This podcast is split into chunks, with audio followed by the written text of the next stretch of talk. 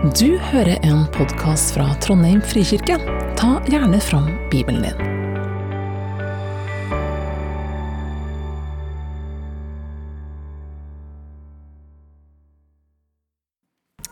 Jeg skal lese fra Apostlenes gjerninger, kapittel 2, vers 1-11.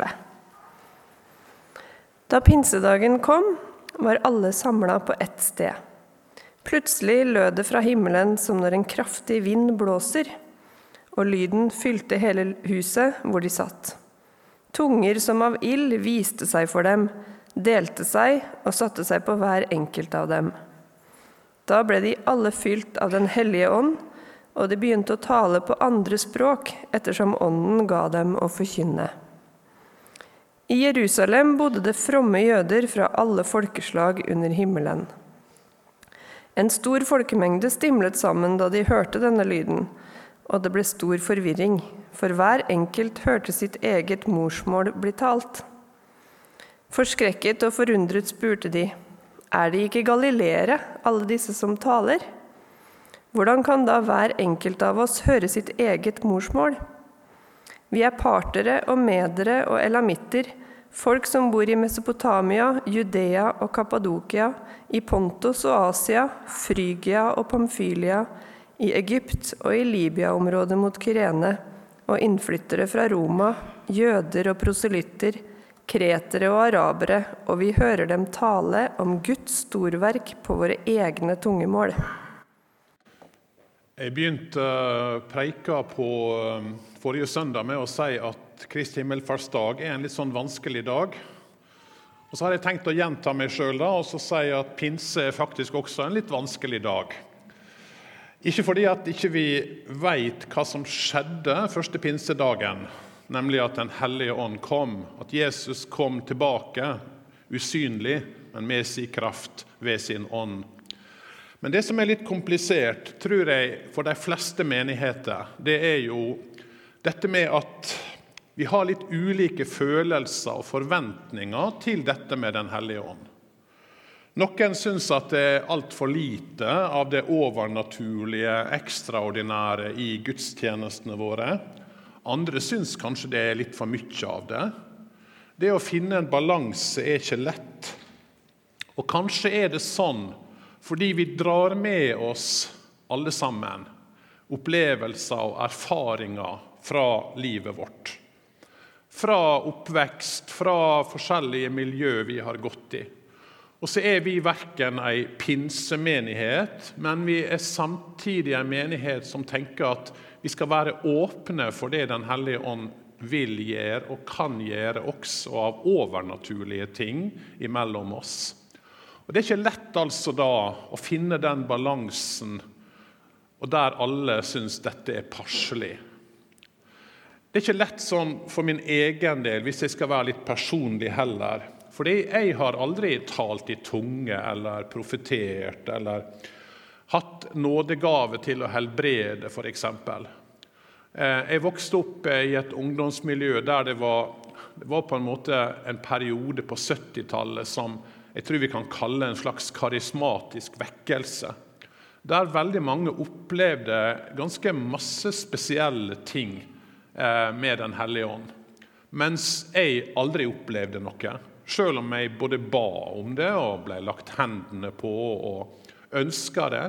Og Det gjorde jo at jeg følte meg litt sånn eh, åndelig mindreverdig. Litt sånn B-kristen i forhold til alle de som hadde sånne store opplevelser. Og Kanskje dere kjenner dere igjen, noen av dere. At det, dette med det ekstraordinære, dette med spesielle opplevelser, det er litt fjernt.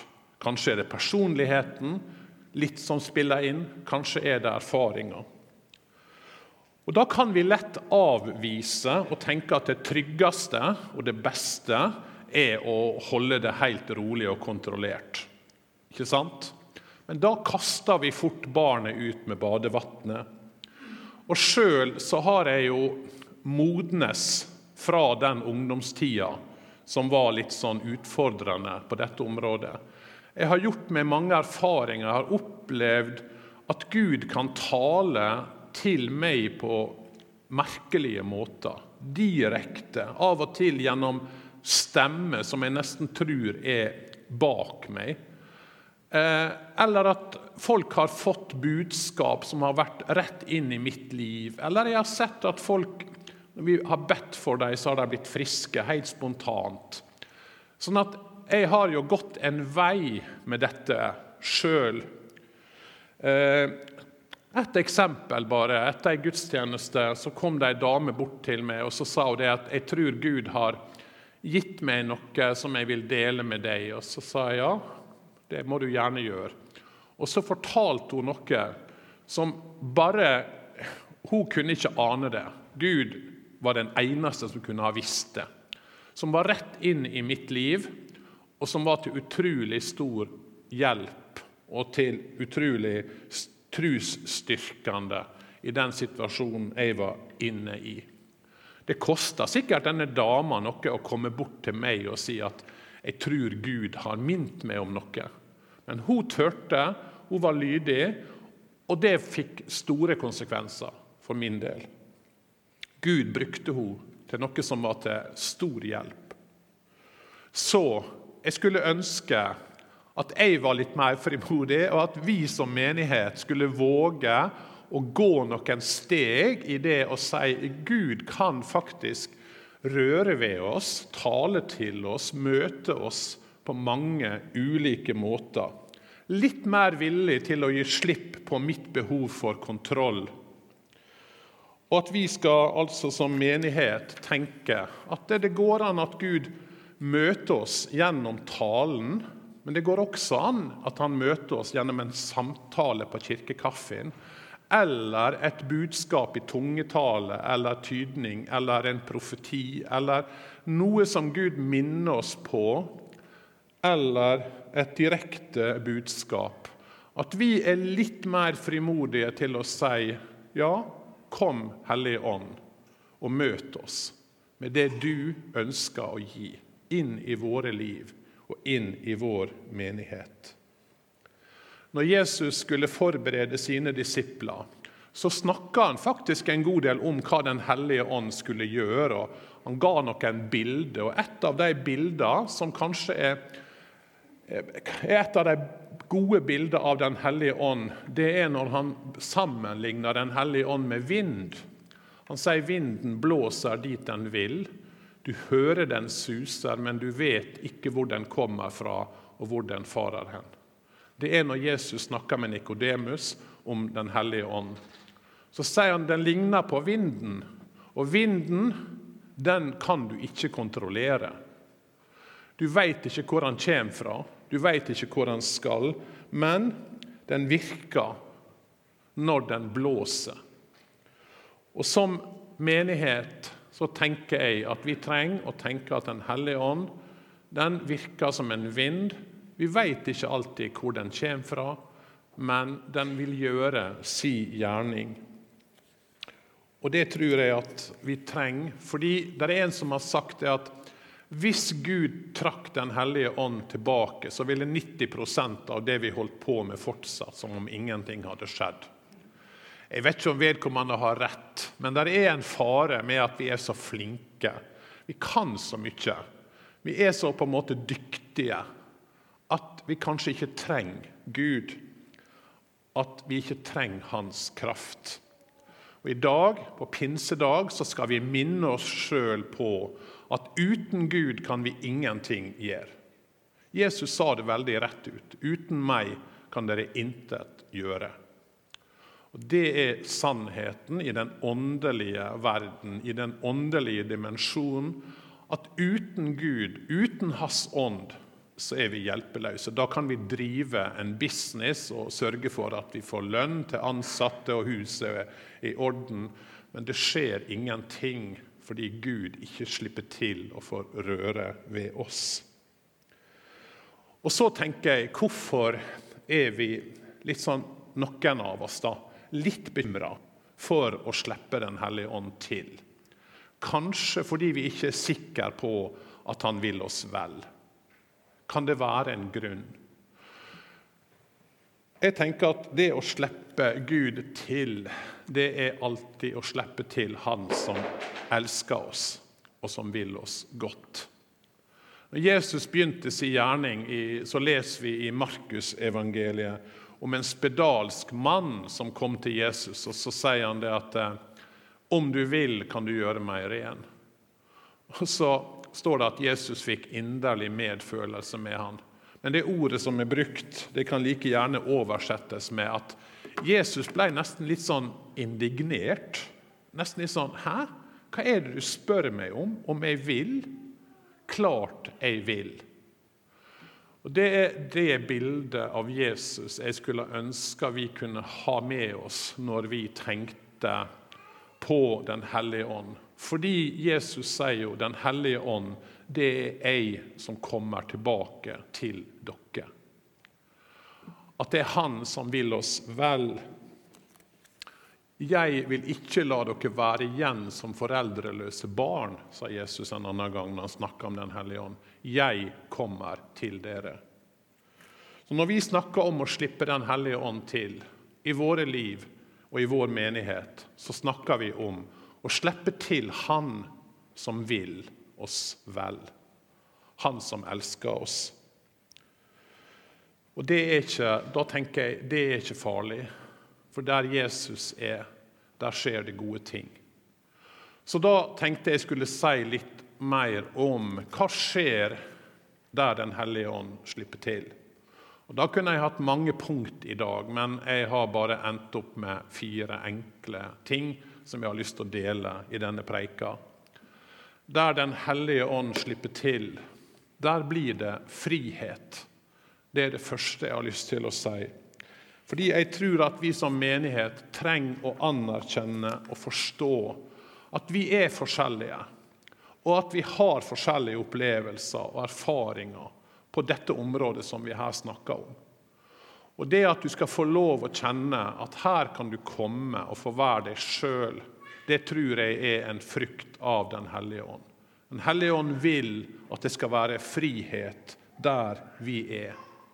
Frihet til å kunne danse med flagg hvis du drømmer om det i en gudstjeneste. Frihet til å kunne løfte hendene når det er lovsang. Men også frihet til å kjenne at du trenger ikke det hvis ikke det er deg. Hvis ikke dette er deg. Paulus han sier det at eh, Herren det er Ånden. Og hvor Herrens ånd er, der er frihet. Og Det er for meg et grunnleggende kjennetegn på der Den hellige ånd er. Det er en plass der vi kjenner på frihet. Ikke på angst, ikke på tvang, ikke på én måte å være på. Ikke på én måte å uttrykke seg eller snakke på, men en måte der vi kan få si ja, du må gjerne utfolde deg og snakke og danse og synge på den måten som du har lyst til. Og så kan jeg kjenne at jeg har frihet til å ikke gjøre det sånn, men kanskje helt annerledes. Benedikt av uh, Nursia han danna jo i 529 uh, det første benediktinerklosteret i Monte Cassino. Det er litt sør for Roma. Og Han lagde jo da noen grunnregler for hvordan skal vi leve sammen i et sånt kristen fellesskap. Det er egentlig verdt å lese, han, det han tenkte gjennom og det han på en måte formulerte, er utrolig tankevekkende og bra også i dag. Hvordan skal vi leve sammen der vi er så forskjellige som mennesker? Og av hans, En av hans regler var jo denne at abbeden skal styre slik at den svake ikke mister motet, men at den sterke skal ha noe å strebe etter. Så det er flott, eh, ikke det en flott sånn regel for et fellesskap? Svake skal ikke miste motet, men den sterke skal få lov å ha noe å strebe etter. Vi er underveis, tenker jeg, både som mennesker og som kristne og det å få lov å være et fellesskap der vi viser den, den verdien som vi sier er én av tre verdier som skal prege Trondheim frikirke, nemlig raushet. Også på dette området Så de sterke blir utfordra. De svake får lov til å være uten å miste motet. En frihet fordi det Jesus kom for, det var jo å sette oss i frihet. Ikke for å gjøre oss konforme og like. Nei, med hele den personligheten du er, skal du få være deg sjøl. Det tror jeg er grunnlaget for vekst. Og Det tror jeg må være grunnlaget for at vi skal sammen si ja, kom Hellige Ånd, og gjør det du vil. Det andre jeg har lyst til å dele, det er at der Den hellige ånd slipper til, der forsvinner frykt og hemninger. Den hellige ånd kom på pinsedag, og vi hørte at det var som om det kom ildtunge og satte seg på dem. Hvorfor dette bildet av ildtunge? Kanskje er det et bilde på at hjertet deres blir satt i brann. For det er jo det som skjer faktisk på denne dagen. At de som var redde og engstelige, blir frimodige og satt i brann. Vi vet jo at i tida etter påske så var disiplene redd for at det samme skulle skje med de som hadde skjedd med Jesus. Og De hadde all mulig grunn til å frykte, fordi dette var et opprør. Dette var Tanken om Jesus og hele hans etterfølgere var noe som både romerne og de jødiske autoritetene ønska å slå ned. Så de gjemte seg. De holdt dørene stengt. Det var situasjonen for dem etter påske. Men når Den hellige ånd ble utøst, så skjer det noe med dem. Og Vi leste allerede i fortsettelsen av det som Johanna leste, nemlig at Peter stiger fram sammen med de elleve.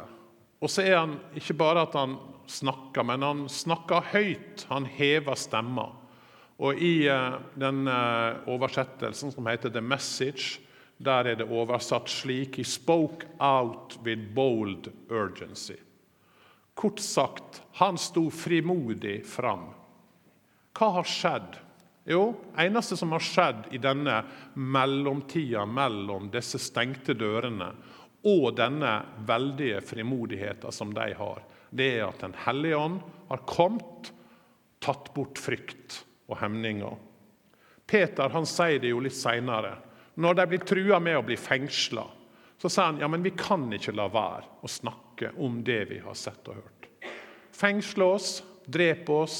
Ja vel, vi kan ikke stoppe. Det var en brann som gjorde at de ikke kunne la være å snakke om Jesus. De vitna om Jesus til tross for all motstand. Og kristendommen spredde seg på den tida som ild i tørt gress. Det var en brann i hjertet deres. Den hellige ånd hadde satt dem i brann. Vi synger jo i en sang 'Navnet Jesus må jeg elske'. Det har satt min sjel i brann. Hvem er det som gjør det? Jo, det er Den hellige ånd. Når Jesus kommer, så setter han hjertet i brann på en sånn måte at vi kan ikke holde det for oss sjøl. Jesus han sa det jo på forhånd til disiplene. Når Den hellige ånd kommer, så skal dere få kraft, og dere skal være mine vitner. Og Det er det de blir satt i brann til, til å være Jesu vitne, ut og forkynne evangeliet til tross for motstand. Og de gjorde det til tross for at de ikke var så veldig opplærte, eller de hadde ikke noe eh, formell utdanning. Jeg tror de følte litt sånn som vi, at eh, av og til så finner ikke vi ordene, eller vi vet ikke helt hva vi skal si, eller vi er redd for det, Roter vi det til, eller Men de, de var frimodige likevel. De bare gikk ut og sa Jesus han lever. Han har stått opp igjen.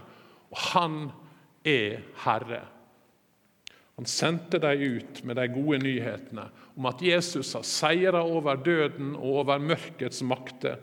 At en ny verden er i ferd med å bryte fram, et nytt rike. Og vi er kalt til å være en del av dette riket. Og så tenker jeg det er når vi går, at vi får erfare at Den hellige ånd tar bort frykt og hemninger. Vi vil helst få liksom sitte der og vente til vi føler oss eh, frimodige. Det tror ikke jeg vil skje. Det er når vi bare våger oss utpå, våger å si noe om Jesus, våger å være hans vitne, at vi får erfare at han er faktisk med oss alle dager. Også når vi står der og stammer og stotrer og ikke helt veit hva vi skal si. Der Ånden er, virker Gud med sin kraft. Og Det er kanskje det tredje kjennetegnet som jeg vil hente fram i dag. At der vi ikke makter, der makter Gud. Der vi ikke kan, der kan Gud. Der vi er svake, der er Han sterk. Det er mye snakk om kraftkrise for tida, og med god grunn, selvfølgelig. Det var noe vi ikke brydde oss om for en del år siden. Men plutselig så ser vi at kraft er dyrebart. Kraft er avgjørende. Og Det er det også i det åndelige livet. Det er det også i en menighet. Det er Guds kraft som er avgjørende. I oss sjøl er vi svake, nemlig. Og Det er litt av det som jeg tenker er det flotte med det kristne budskapet. At det, Gud bruker helt svake og alminnelige mennesker. Fordi han da får virke med sin kraft. Eh, den første gangen jeg var her på dette retreatsenteret som heter St. Baunos, som ligger ikke så veldig langt fra Manchester, et flott område, et flott sted. Eh, jeg var der på en sånn åtte dagers retreat. Eh, da var det helt taust i åtte dager, men vi hadde en veileder som jeg snakka med da, en time hver dag. Denne veilederen var en veldig flott uh, mann som uh, hjalp meg veldig den første gangen, særlig når jeg var på denne retreaten. På Baunos hadde de et slags kreativt rom. Fordi noe av den ignasiadske spiritualiteten det er at Gud taler gjennom alle ting. Det er en ganske sånn spennende tanke, egentlig. At Gud ikke taler bare gjennom det ekstraordinære eller gjennom taler på, på eh, gudstjeneste, men han taler gjennom det vi ser, skaperverket, alt. Alle plasser kan Gud møte oss. Så De hadde et sånt kreativt rom, og så spør han meg en dag da, om jeg har vært der på dette kreative rommet, der du kunne tegne og male og forme med leire, og det var alt mulig. Og så sier jeg nei. Jeg hata jo tegning på skolen. Det var det verste faget av alle. Jeg var flink på det meste på, på bare barne- og ungdomsskolen, men ikke i tegning. Sånn at det, eh, det, kunne jeg absolutt ikke tenke meg å bruke tid på å gå på det der kreative rommet og sitte der og skulle eh, føle meg dum og ja, eh, hjelpeløs og alt dette her. Og så sier han da syns jeg du skulle gå. Um, ja, men hva skal jeg gjøre, da? Si? Nei, du skal bare be til Gud. Du skal si til Gud Gud, hvis det er noe du vil tale til meg nå, så gjør det. Og så bare begynner du å tegne. Så syns jeg det var helt, hørtes helt tåpelig ut. da.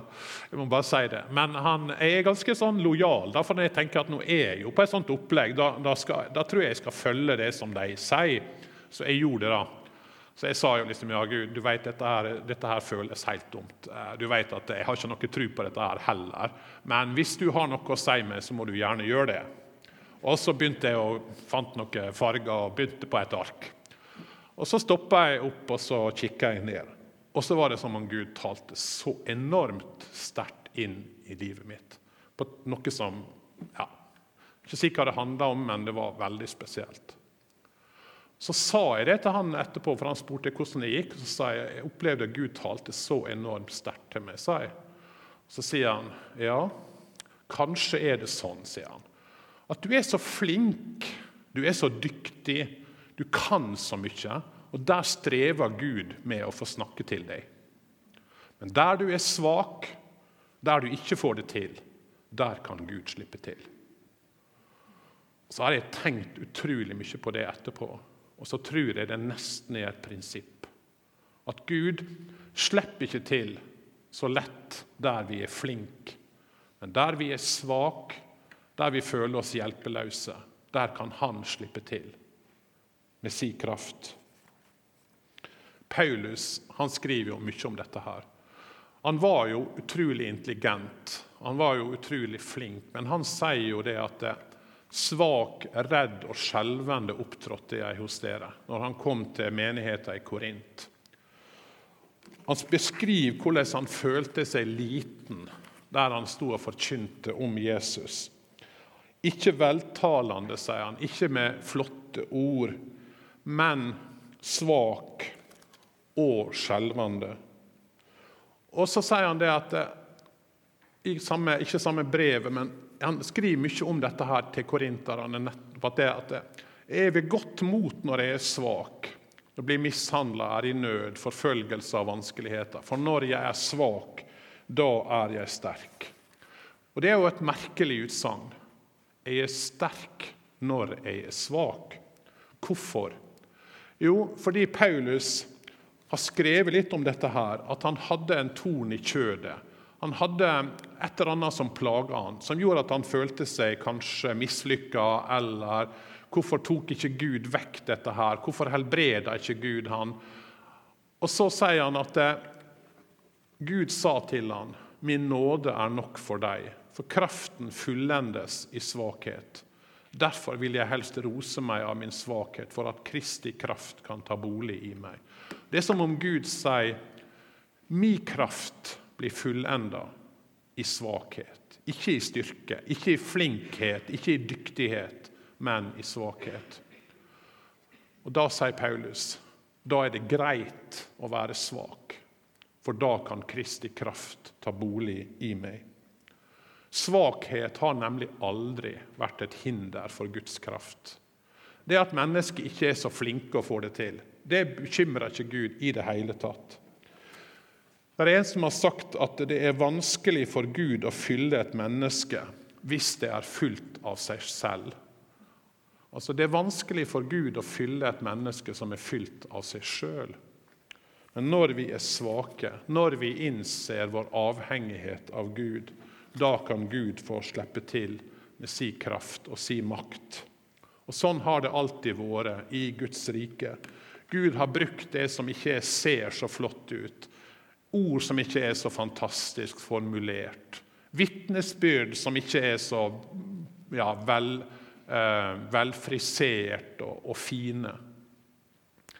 En som heter August Toplady, han var engelsk prest, levde på 1700-tallet. Han ble jo ikke så gammel, så jeg når jeg i dag slo opp i Wikipedia for å se hvor tid han levde. Han ble bare 38 år. De ble ikke gamle den tida. Har dere lagt merke til det? Ganske mange. Ja, han er mest kjent for å ha skrevet eh, denne salmen 'Klipper du som brast for meg'. Men han eh, han forteller om et radikalt møte med Gud. Det var en gang han var ute og gikk en tur. og Da hørte han en salmesang fra en gammel låve. Så ble han nysgjerrig og gikk inn for å høre på. Og så Etter salmen da, så sto det opp en mann som, som delte fra Efeserbrevet og holdt ei enkel preike. Og Så skriver han dette her, da. Men da jeg lyttet til den prekenen, var det som om Kristus selv kom nær, og jeg ble ført til Gud.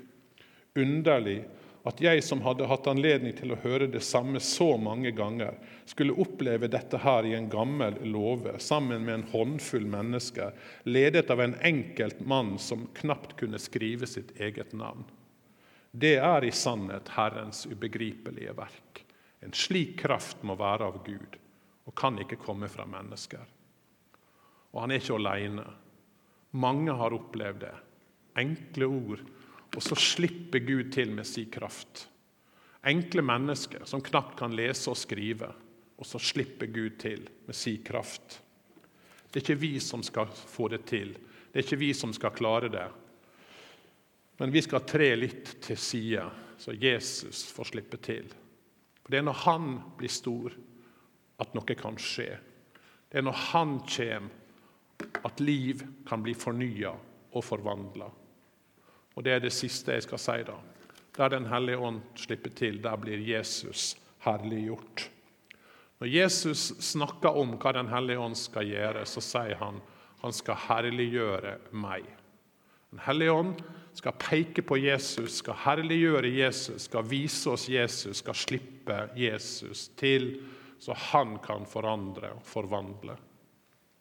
Der er ei merkelig historie. Hva betyr det at Jesus skal bli herliggjort? Der er en historie i eh, andre Mosebok, i kapittel 33.